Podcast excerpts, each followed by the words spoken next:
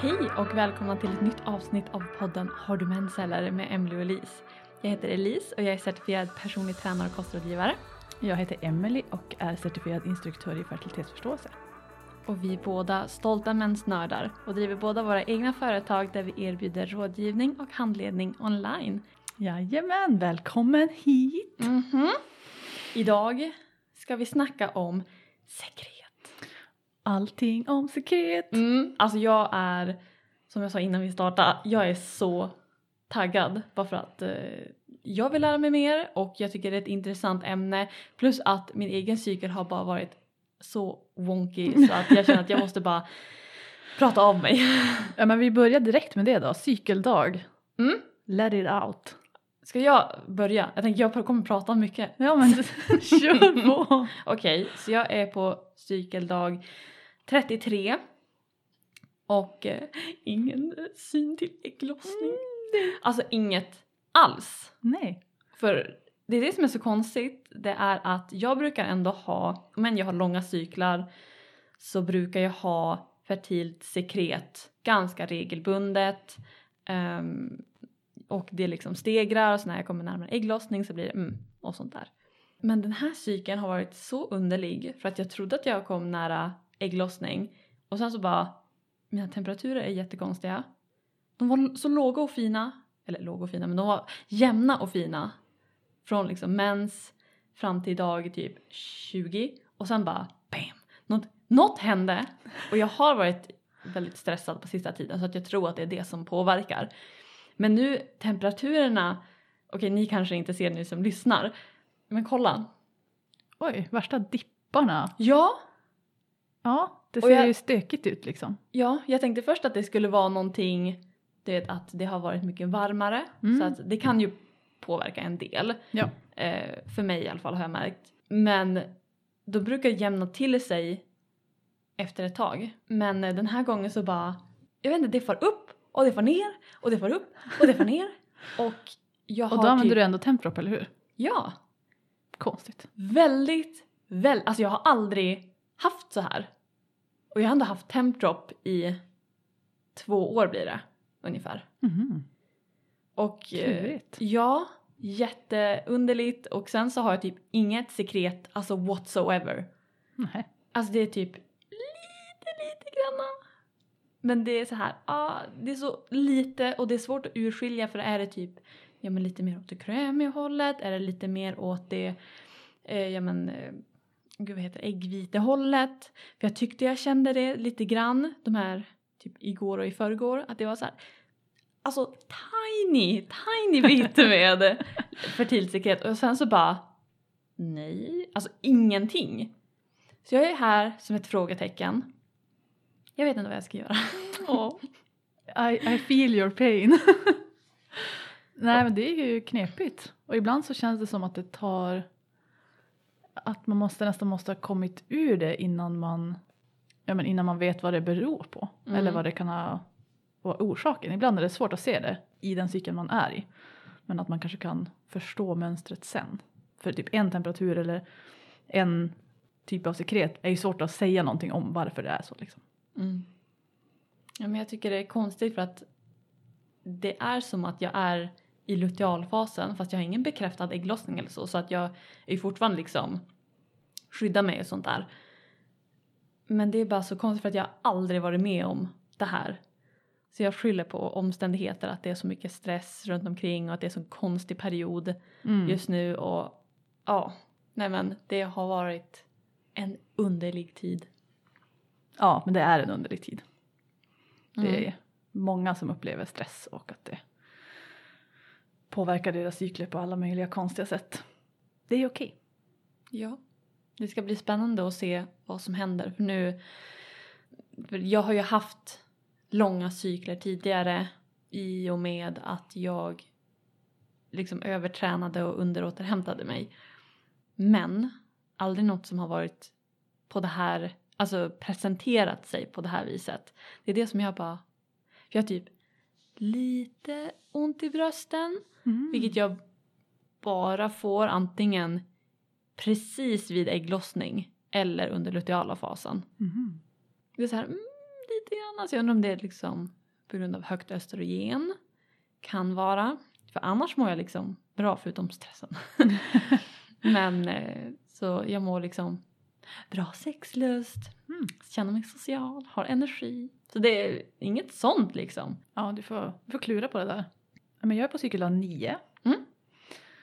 Och jag hittade fertilsekret igår. Och det var jätteroligt för jag, ja, men brukar ändå ha fler torra dagar efter mens och också ja, men mer att det kommer lite långsamt med den här liksom, typen av vitt krämigt sekret innan det kommer igång. Men nu var det som att det bara eh, kickstartade. Mm. Så, och det känns bra för jag har liksom jobbat ändå på att försöka få lite tidigare ägglossning. Jag har, inte, jag har haft väldigt regelbundna cykler länge och inget, alltså egentligen som är väl, det är väl inget problem. Alltså ja, jag har ju längre follikulärfas än lutealfas och då får man ju automatiskt en obalans mellan östrogen och progesteron. Men jag har väl som inte upplevt några direkta problem från det. Mm. Så. Men bara så här, ja men tänker att det kan vara lite spännande att utforska lite olika saker så vi får väl, vi ska väl prata lite grann mer om hela eh, ändra sitt sekretmönster, tolka det och Mm. sen ska vi ju, och så med mat och sånt och vad man kan göra. Mhm. Men ehm, ja, så att jag var som väldigt lycklig av att få massa fint fertilsekret redan på dag åtta då. Det är kul. Väldigt kul. Annars är det bara, det är bra. Liksom, follikulärfasen är fint. Man kommer ut ur den där lilla mysiga mens eh, bubblan Mm. och liksom är lite på G. Men jag har också lite väl höga stressnivåer just nu. Det är liksom fullt ös innan semestern och sådär så. Men jag försöker mitt bästa och så här varva ner mycket på kvällarna, försöker sova ordentligt, ta långa promenader, liksom så här. Ge mycket tid för sånt också så att man ska, även fast det är högt tempo på dagarna, att man kan åtminstone varva ner ordentligt så. Mm. Det måste jag bli bättre på. Ska försöka lära mig av dig. Ja, jag vet inte om det. Jag har en hund som tvingar mig ut på promenader. Jag är tacksam för. Jag är avundsjuk. Ja, nej men ska vi köra fertilsekret? Jag Mhm. har en massa frågor som både du har ställt, som jag har skrivit och från mina följare på Instagram som ställer jättebra frågor Mm. som vi ska ta och ta oss igenom. Men jag tänker vi börjar väl bara med vad, vad är fertilsekret? Och jag har en jättebra bok som jag har, som vi kan länka till, som är skriven, nu kommer jag inte ihåg vad den heter, men eh, jag tror den heter En Complete Guide to Fertility Awareness. Men jag ska kolla, vi länkar den. Den är, eh, riktar sig till barnmorskor och andra som arbetar med det, så den är väldigt teknisk Mm. och tungläst. Men i alla fall, jag tyckte det var jättespännande. De beskriver där att fertilsekret är en slags gel som består av mycin. Och det är så här, typ långa glykoproteiner, det säger mig inte så mycket, men det är liksom slem, långa molekyler som liksom gör att det så här hänger ihop och blir slemmigt. Så det Mhm. finns också så här i typ saliv och... Det här låter som en bok för mig. Ja, visst. Eh, Det innehåller också vatten, socker, salt, enzymer och aminosyror. Sekret. Så det är Det kul. är en hel jäkla cocktail där. Jajamän. Det produceras ju i livmodertappen, eller cervix då. Mm. Och det finns som krypter där, kallar man det. Det är som små fickor, kanske man kan säga också. Som producerar olika typer av sekret, så det finns olika krypter för olika sorters sekret. Ja, ja. ja. Mm. Jag fick också en fråga av en av föl- mina följare om man kan äta sekret, om det skulle vara nyttigt. jag tyckte det var en jätterolig fråga. ja, det var ju, det har jag inte tänkt på. Nej, jag har inte heller tänkt på det. Men bra fråga när man tan- eller med tanke på vad det innehåller egentligen. Ja, jag menar, jag kan inte tänka mig att det- skulle vara onyttigt. Jag vet Ja. inte om det känns superaptitretande. Nej, det skulle väl inte jag. Det är inget sånt man bjuder gästerna på efter middagen. Mm-mm. Ehm, så nej, så här, eh, why not? Om man tycker att det känns spännande, testa det. Ja, Tänker partner som eh, är där nere, höll jag på att säga. de, kanske, de kanske vet, vi får fråga dem. ja, de får i sig salt, protein och socker. Mm. Jag har ju dock hört att en del partners kan märka skillnaden på hur det liksom typ smakar eller luktar och så vidare när man är vid ägglossningsfasen jämfört med andra faser. Mm. Så det kan ju säkert ha något med det att göra. Vad, vad spännande. Jag tänker typ, min första tanke är att det ska vara sötare vid ägglossning. Ja, kanske det då. Eftersom att det ändå innehåller ju sekret, eller socker Mm. också. Så det kan det väl vara. Tänker, för det är ju en anledning till att det innehåller socker. Vad jag har fått veta i alla fall. Att eh, det eh, ger energi till spermier. Ja, Ja! ja vi, går, vi, jag. vi kan pallra oss direkt in på den. Mm. Vad har det faktiskt för funktion? Och det har ju massa funktioner. Jag tycker det är så himla spännande. Att det ska ju både skydda spermier då mot att eh, liksom slidan är både sur och att det finns en massa vita blodkroppar där som, som härjar runt och ja, gör det vita blodkroppar gör, alltså typ har ihjäl saker. Ja. Kort och gott. Kort och gott. Saker som inte ska vara där då. Eller. Så de, eh, det är basiskt mer då, sekret. Så då skyddar det lite mot det. Det ger också då näring till spermier, det är väl det det här sockret, saltet och Mm. eh, proteinerna och allting är då. För det är det jag har läst för länge sedan tror jag det var. Och det är att spermier har ju, alltså deras svans, vad jag har fått för mig, är typ ren energi. Så att de har lager, rätta mig om jag har fel, men i alla fall de har lagrat energi. Så majoriteten av spermier är bara typ glukos och sånt som gör att de rör sig framåt. Mm. Eh, men sen tar ju det slut.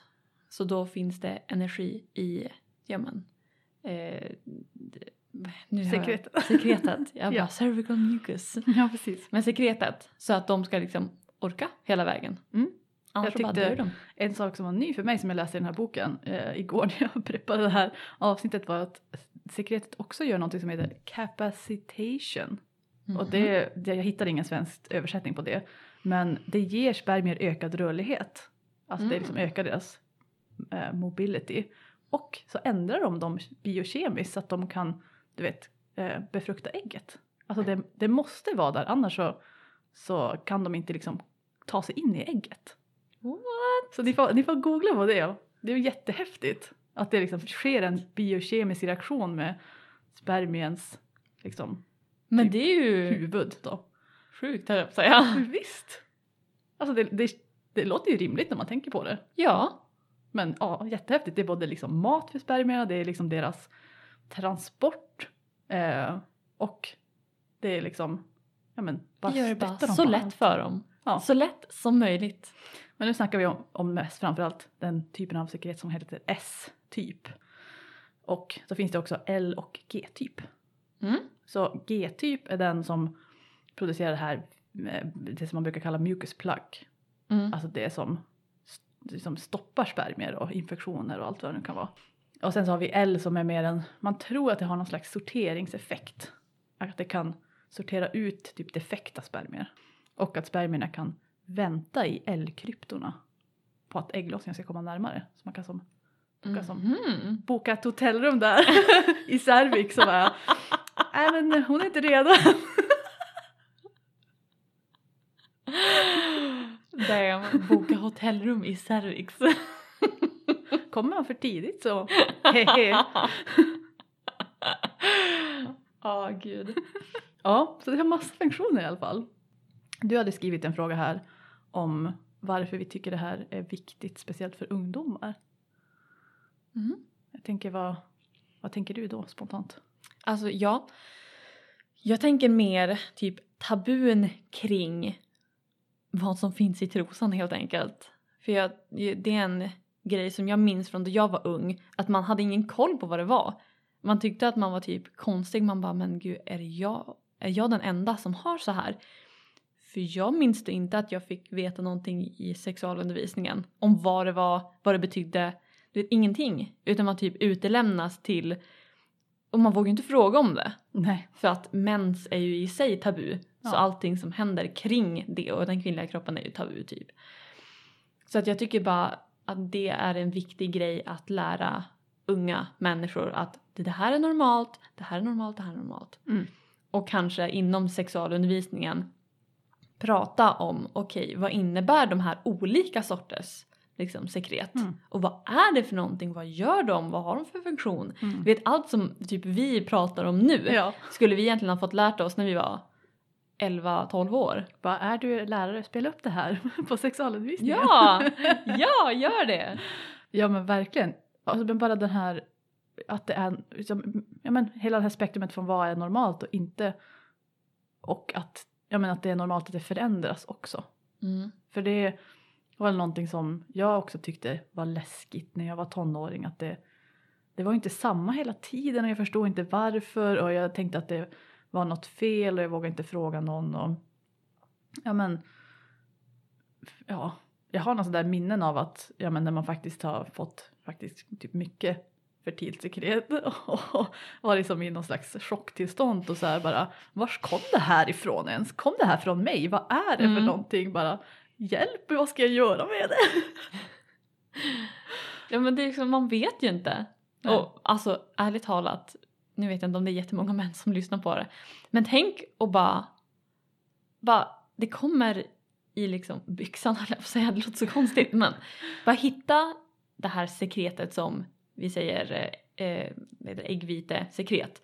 För att det ser ut som typ äggvita och stretchar väldigt mycket. Ofta så kan det komma ganska mycket åt gången. Och bara hitta det och bara what the fuck är det här liksom?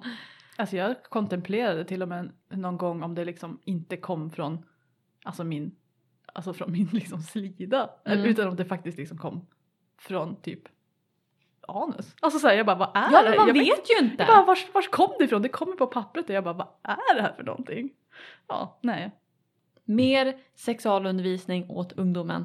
Åt alla. Mm. Ja, absolut. För det är ju viktigt att veta vad som är normalt och inte. Jag fick också den frågan om vad, eh, men typ vad är friskt och inte friskt och ska det lukta och så vidare. Och vi kan väl som dra den brasklappen om att ingen av oss är ju eh, utbildade vård, Ja, har precis. ingen vårdutbildning och ni ska liksom inte ta våra, det vi säger här som, som liksom, jag vet inte, Som Hela sanningen. stämpeln liksom. Ja exakt, att det, det, är man orolig så absolut kontakta liksom barnmorska, gynekolog om man liksom tänker att det här kanske inte är, är normalt. Mm. För man kan ju få diverse, ja men discharge på engelska, jag vet inte vad man säger på svenska, typ då. Flytningar. Ja, som inte är normala, alltså som har någonting med infektion, svamp, det kan, man kan få från så konisering och annat. Så det kan ju, det är inte så att allting som kommer ut där måste vara sekret eller måste vara Mm. häl, alltså hälsosamt friskt. Mm. Men eh, fertilsekret som produceras i de här kryptorna ska ju liksom, som, om jag har förstått det rätt i alla fall, inte lukta någonting speciellt och inte, absolut inte lukta illa. Mm. Eh, och vara i liksom kategorin vitt till genomskinligt och inte någon annan färg, typ väldigt gult eller Ja, och jag, jag kan ju inte så mycket om sekret. Eh, Jag kan ju det jag behöver kunna för att eh, göra min liksom, eh, ja men metod, ja, fertilitetsmetod. Och det är ju samma för mig. Jag, jag, eh, jag ska säga, diagnostiserar inte mina klienter på något sätt i något, något sånt sammanhang utan om jag upptäcker mönster som inte verkar normala så ber jag ju dem kontakta vården. Mm. Som instruktör är det inget heller som jag lägger mig i. Nej, vad säger man? Du förstår vad jag menar. Ja, jo men precis. Det är ju liksom det är inte, min vår uppgift. rätt Nej, att, eh, att säga att det där är sjukt eller det där är friskt. Nej. Utan det vi kan, vi kan ju bara, hur ska man säga det, ja men se utifrån och säga att ja men det här är vad jag uppfattar med den kunskapen jag har. Men om du, kunden, klienten är orolig över någonting och du känner alltså, att det är någonting som inte stämmer eller någonting som skiljer sig från det andra det har varit eller något sådär. Mm. Då, jag är ju samma, jag rekommenderar alltid bara, men undrar du någonting kontakta din läkare eller kontakta din gynekolog eller Ja. någon annan vårdpersonal för att de har ju oftast mer utbildning inom sjukdomstillstånd. Ja, precis. Vi är ju mer, eller i alla fall jag, om jag pratar för mig själv, så är jag ju mer inriktad på typ förebyggande och att ha en frisk individ att coacha Mm. ungefär. Eh, men sen så om det, jag tänker bara på eh, typ för mig sköldkörtelsjukdomar och sånt där vilket är inom störningar i menscykeln. Men Mm. det är ju någonting jag aldrig rör för att jag har ingen utbildning inom det. Nej. Så nu, vi spårar lite men det är så här lite sa- same same. Ja, ja men exakt. Ja, man, jag tycker att det, det har vi kanske sagt tidigare också, men det känns som något som är viktigt att inte dra för, vad säger man, för långa slutsatser. Mm. jag vet inte, för mig, det är någonting som jag eh, tänker på och något som man får tänka väldigt mycket på när man skriver forskningsartiklar till exempel. Att vad kan jag dra för slutsatser av det datat jag har samlat in? Och om jag har samlat in data om bara mig själv till exempel och mina sekretmönster, då kan inte jag dra slutsatser om att alla kvinnor har det så här. Alltså du förstår. Mm. Om jag har en utbildning som instruktör i hur man kartlägger sekret och temperatur och hur man använder som preventivmedel så kan inte jag sitta och dra slutsatser om eh, ja men typ du har en den här sjukdomen eller den här problematiken. Det blir liksom ett ja det blir liksom fel. Ja, det, precis. Det blir bara fel. Och inget, det, alltså det är inte alltid lätt. men någonting som är viktigt att tänka på i alla fall. Mm. Men så- så, ja förlåt. Ja, nej. det jag tänker är att mm, det i alla fall jag har lärt mig lite om hur man kan märka om det blir någon skillnad i då man kanske ska kolla upp det. Det är ju typ om det börjar klia. Jag menar, är ju är en, eh, irritation på något ja, sätt. Om det börjar lukta. Alltså. Och det är så många som typ jag tänker dra skämt om att det luktar fisk och ärligt talat jag, jag vet inte om det är stämmer. Jag tror att det kan lukta lite underligt. Alltså jag menar, det luktar ju alltid någonting. Alltså det man, man ska inte tro att ens... Nej, ens inte underliv är ju inte en, liksom en blomma. Ärligt talat. Men vissa typ, får, med tanke på alla produkter som har massa parfymer och sånt i sig så får de ju oss att tro att åh, din vagina ska lukta typ regnbågar och Ja. solsken. Medan det är inte sant, det kommer lukta kön. Ja, och det, det, det ska det göra. Ja. eller det, det är inte sjukt eller ofriskt. Nej, men det är om det typ skiljer sig mot för vad det normalt gör. Och det är ju som en fin del med att kartlägga sin cykel och liksom vara medveten om de här sakerna. Att det är lättare att upptäcka avvikelser då, som kan vara någonting. Liksom. Och veta vad sitt normala är. Mm. Det är ju fint. Jag tänkte att vi måste nästan ta upp det här, den fina frågan som du ställde också. Finns det icke-fertilt sekret? Ja. Ja, den tycker jag känns jätteviktig.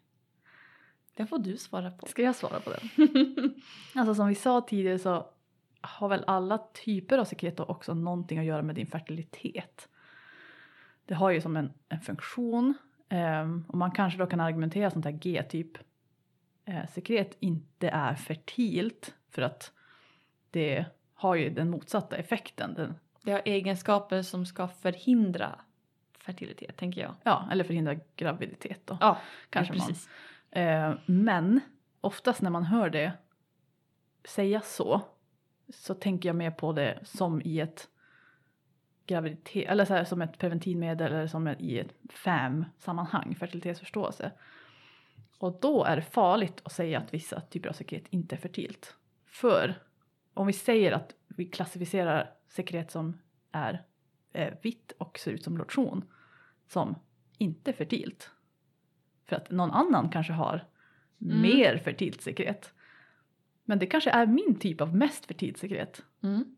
Och om jag tror det då, då kan jag ju antingen, och speciellt om jag använder som pre- preventivmedel, eh, liksom lura mig själv att jag inte är fertil när jag är det. Mm. Så det är ju det är liksom det är, eh, dangerous ground att klassa sekret som inte fertilt. I med mitt liksom, arbete och på det sättet så, så säger jag alltid att allt sekret är fertilt. Och då menar jag ju det som du observerar. För Mm. till exempel det första sekretet man får efter mensen öppnar ens fertila fas i många metoder på ett sätt eller ett annat. Och då spelar det ingen roll vilken typ det är. Det Mm. betyder ju inte kanske att du är fertil rent biologiskt, att du kommer ha ägglossning inom några dagar. Men man klassar det ändå som det för att ha ett effektivt preventivmedel. Förstår du? För att det liksom skiljer från person till person för att ett sekret som kan vara fertilt hos dig Mm. kanske inte hos mig indikerar att liksom, jag börjar närma mig ägglossning. Ja. Typ. Ja men exakt. Är Och det jag det, tänker? det är ändå alltid en indikation på ökande estrogen och den här Mm. starten på att det är på väg mot ägglossning. Men sen är det ju osäkert hur lång tid det tar, det är ju olika. Man får hålla hårt i vad man, vad man pratar om liksom. Mm. Eller vad man ska säga. Ja, och det är väldigt intressant för att, jag menar, eftersom jag inte utbildar inom det här så är jag väl inte lika, eh, jag vill inte säga försiktig, men eh, eftertänksam med hur jag uttrycker mig typ i fertilt och inte fertilt för att jag har ju, jag har ju bara mig själv att utgå ifrån. Mm. Så om jag säger att jag har icke-fertilt sekret då baserar jag det på okej jag är efter ägglossning, jag har bekräftat ägglossning och jag vet att jag inte kommer Mm. liksom, ha ägglossning. Ja. Och då blir det för mig det sekretet som kommer då, Mm. det är mitt icke-fertila sekret. ja, och det menar jag också. Mm. Alltså det är också innan ägglossning som jag eh, syftade på tidigare. För sekret efter ägglossning räknas aldrig som fertilt. mm. För att du kan inte bli gravid och då tänker man att det inte är fertilt. Förstår du? Mm. Så det blir ju en, ja man får hålla tungan rätt i mun lite grann. Ja. Men det är som med mycket inom, inom liksom det holistiska tycker jag. Och det är bra. Mm, det är väldigt absolut. bra på ett sätt. Ehm, Det är ju att- nyanserat. Ja, men det är många, tycker jag, inom i alla fall typ mitt område med kost och menscykel och sånt där som säger så, alltså de lovar så otroligt mycket Mm.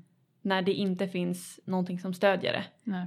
Det är ju sånt jag är lite an- Det var också ett litet sidospår men jag, Mm. just Ja, i men- samma område med att man ska hålla tungan rätt i mun. Ja, och det, det är ju många saker som vi försöker ta upp här också. Att vi försöker ha en nyanserad debatt kring det och ja, men till exempel det här med att kalla alla blödningar för mens och sådana saker som folk, det gör, man gör det, det, det görs överallt och är lätt att det blir så men det kanske inte är 100% korrekt. Mm. Men det är också ett sätt som folk pratar och ibland är det mer relaterbart. Ja men det är, det är liksom inte svart och vitt Språk så. gör extremt mycket. Ja. Väldigt, väldigt mycket. Jag har insett det. Att också med typ, ja men i början av hela den här pandemin så var det många som slängde med ah boosta ditt immunförsvar. Man bara. Alltså, oh. Men jag tänker, på tal om språk då, vi, vi har ju sagt, vi säger ju sekret nu, Mm. ehm, men vi har också sagt flytningar. Jag tänker att det kanske kan vara viktigt att snacka lite om vad vi menar med dem. Om det finns en skillnad och sådär, till exempel så både typ RFSU och 1177 de skriver flytningar på sin, sina hemsidor. Mhm. Och, men de beskriver det också som jag skulle vilja tro att de också inkluderar sekret i det. För att de pratar om att det förändras under cykeln och sådana här saker. Så det känns som att en del använder flytningar som synonymt med sekret eller åtminstone eller jag vet inte riktigt, de kanske inte, sekret kanske inte finns i deras ordspråk. Eller förstår Ja, alltså, Ord, du får gärna utbilda mig för att jag vet inte skillnaden liksom. För jag säger ju, om jag ska tänka just nu, Mm. så är flytningar för mig kanske någonting som händer typ om man blir sexuellt upphetsad. För det är ju inte sekret, Nej. tänker jag. Mm. Utan då blir det ju en annan vätska som lubrikerar så Ja. att säga. Och det är väl typ den skillnaden som jag skulle i så fall säga. För jag vet inte vad annars man kallar sexuellt Alltså man, liksom. jag, vet, jag har inte hittat något bra svenskt ord på det, det heter arousal fluid på engelska. ja, Men det produceras ju de här upphetsningsvätska. Det låter saftigt Mm. i alla fall. Ehm, så, men det produceras ju av andra körtlar precis i öppningen på slidan. Så precis, det är ju inte sekret då. Men det kommer ju ut ur slidan. Så jag tänker väl på något sätt att för mig är, är flytningar typ allting normalt då som kommer ut ur slidan. Och då innefattar det ju till exempel det. Eh, Mm. Upphäst, upphettningsvätskan. Ehm, och sekret men också alltså eftersom att slidan själv rensar sig själv så blir det att precis som på huden att döda celler kommer ju lossna och falla eller åka ut. Man kallar det för cellsloh. Sloh. Jag vet inte hur man säger det på engelska. Det stavas S-L-O-U-G-H. Sloh. jag bara, va? Men alltså det är döda, döda celler som Ah, åker ut.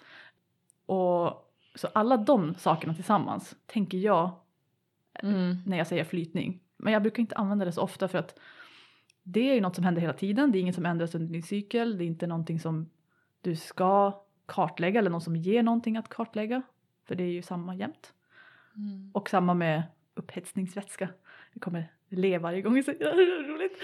Eh, är ju någonting som du också väldigt enkelt kan koppla ihop till när det händer. Alltså du, Mm. du oftast så Så vet du ju när du är typ- upphetsad. Ja, liksom. det är mer ett samlingsnamn. ja, jag tänker så i alla fall. Ja. Att sekret är som ett, det ingår där men det är, det är, ja sekret, Kan också urskiljas från det. precis. Mm. Och det är sekretet vi vill kartlägga för det är det som ändras under cykeln.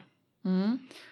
Så, så tänker jag, men det är ju lite, man får ju, när man läser på olika sidor och sådär så får kanske folk använder flytningar som sekret och ibland kanske man bara inte vet vad, alltså att man inte urskiljer de sakerna utan man, Ja, hur är det på engelska egentligen? Jag tänker, de har väl inte bara, men cervical mucus är det jag kommer att tänka på. Har de Ja. något annat ord? ja en del säger också eh, cervical discharge Discharge. ja. och en del säger bara discharge som också då jag skulle tänka är som flytningar. Det är Mm. ett allmänt begrepp Mm. på saker som åker ut. Ehm, Discharge låter så ja, som ett sånt nedvärderande det säger jag också uttryck, cervical jag. fluid för att det också kanske, en del tycker att mucus låter lite för Ja. klibbigt. Men jag tycker, jag tycker om mucus, det känns som ordet moist. jag tycker det, det låter bra. Men jag gillar sekret på svenska, det känns. ja, jag, jag, Jag jag, tycker- använder bara det. Typ. Jag tycker det, det hamnar som i samma ordkategori som typ penis, slida. Ja. Alltså det känns korrekt och eh, Inget tydligt. frågetecken Nej, under det liksom. Inte så här vi måste eh, sugarcoat it för att man ska våga prata om det utan det är Mm. det det är och det, så, jag tycker det känns bra. Mm. Åh, Ja. Jag minns i mina, i mina gamla dagar då man inte typ vågade säga mens. Ja. Och då sa jag så här, eh, det engelska uttrycket bara, men period. Du vet först så bara undvek jag ordet helt. Jag har och sen så blev period. det period och sen blev det mens. Mm. Alltså det, har, det är så, alltså jag vet inte. Jag tänker det, att det jag vet inte om det passar i det här avsnittet men när jag skulle berätta för mina tjejkompisar att jag hade fått mens första gången Mm. då Alltså jag tyckte det var så, alltså det var så pinsamt och jag drog på det så länge och du vet jag hintade som om det innan jag vågade säga det och de trodde ju typ att det hade hänt något jättedramatiskt innan jag lyckades som spotta ur med det. Och det var, jag gjorde det till en så stor grej för att det kändes så himla läskigt. Mm. Och det var ju som på något sätt också någon, du vet, ja men jag var ganska sen, jag, många andra har redan fått mens så man kände sig som lite efter. Vad det var ju som ett synd. så här bli, bli kvinna, du Mm. vet.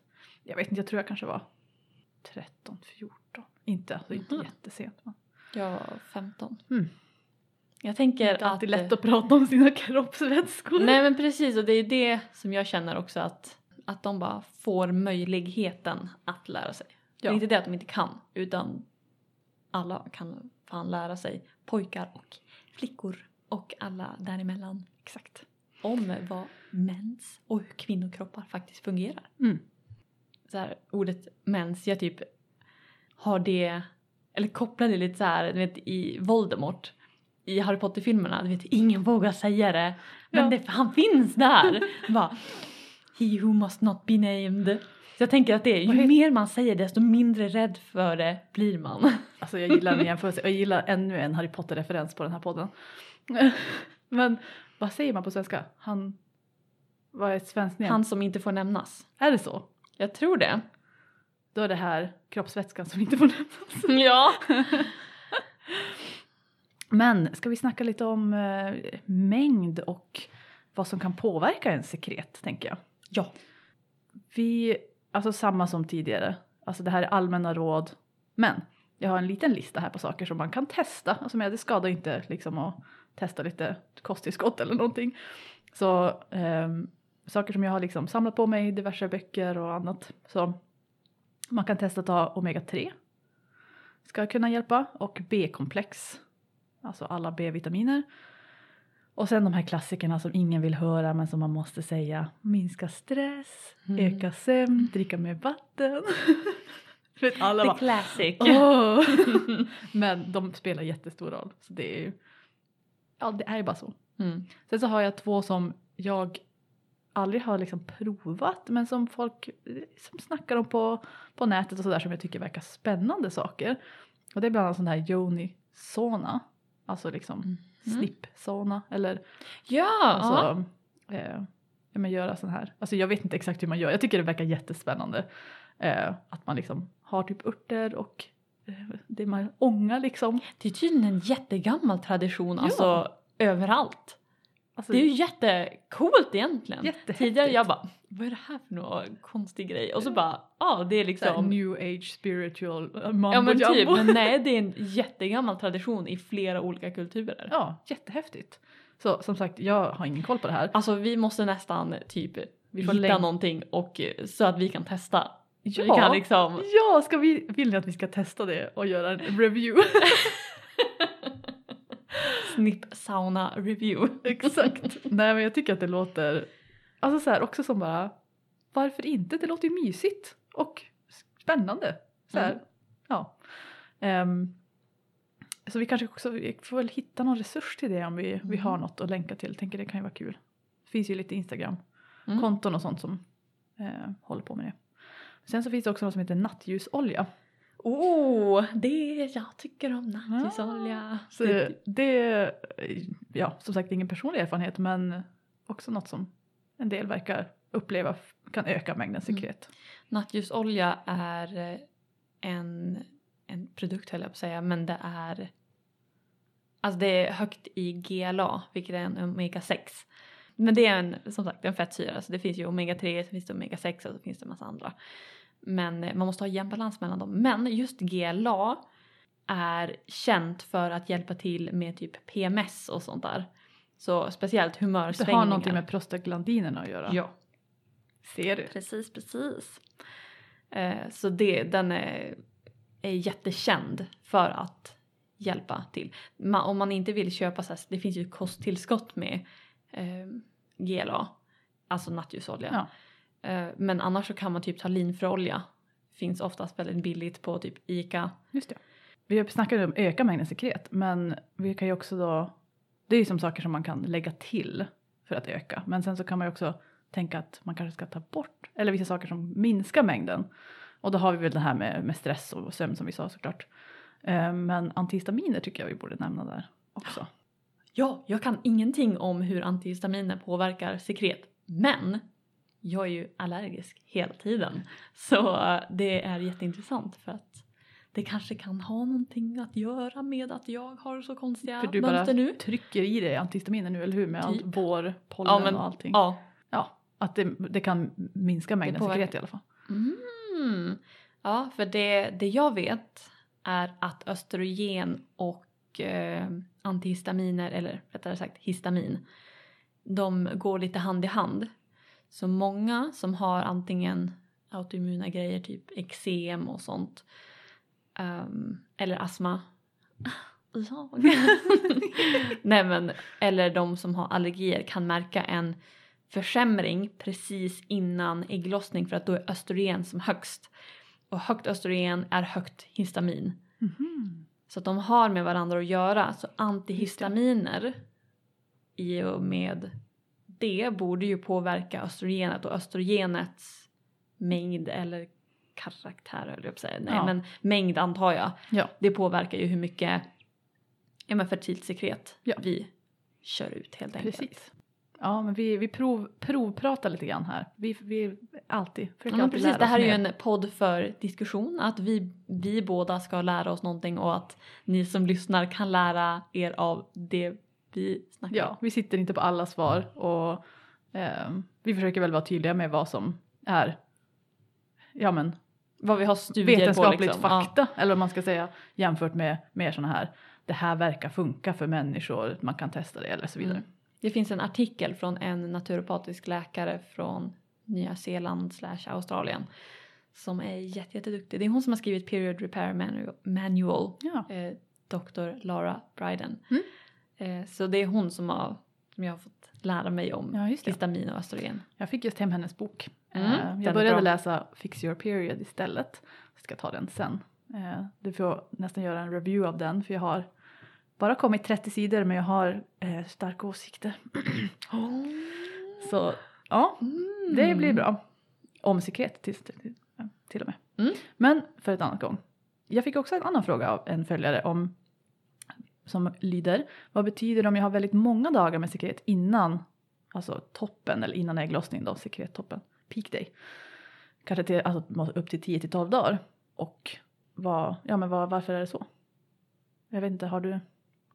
Nej, alltså jag kollar oftast inte sekret eller något utan jag kollar typ temperaturer. Just ja. Hur de ser ut och längd och eh, typ mängd mens. Men just sekret ser jag inte. Men jag tänker typ. Alltså min spontana idé är att kanske högt östrogen. Eller att östrogenet får en ganska bra skjuts redan från början. Mm. Eh, för jag menar vissa tar det ju längre tid. Ja, för vi har ju då det som vi pratade om tidigare här att man har kanske väldigt lite sekret och vill öka mängden. Eh, både, ja men det kan ju vara för att man vill, vill bli gravid och vill ha fler dagar som är potentiella. Eller om man använder det som preventivmedel vill man ju såklart också. Ja men det är en bra hälsomarkör. Men det finns ju det här scenariot också som är åt andra hållet. Att man Mm. kan ha väldigt långa perioder. Det kan göra att ens fertila fas blir jättelång. Och man liksom, ja. Det jag brukar tänka är då finns det en obalans mellan östrogen och progesteron. Att man har då för mycket östrogen.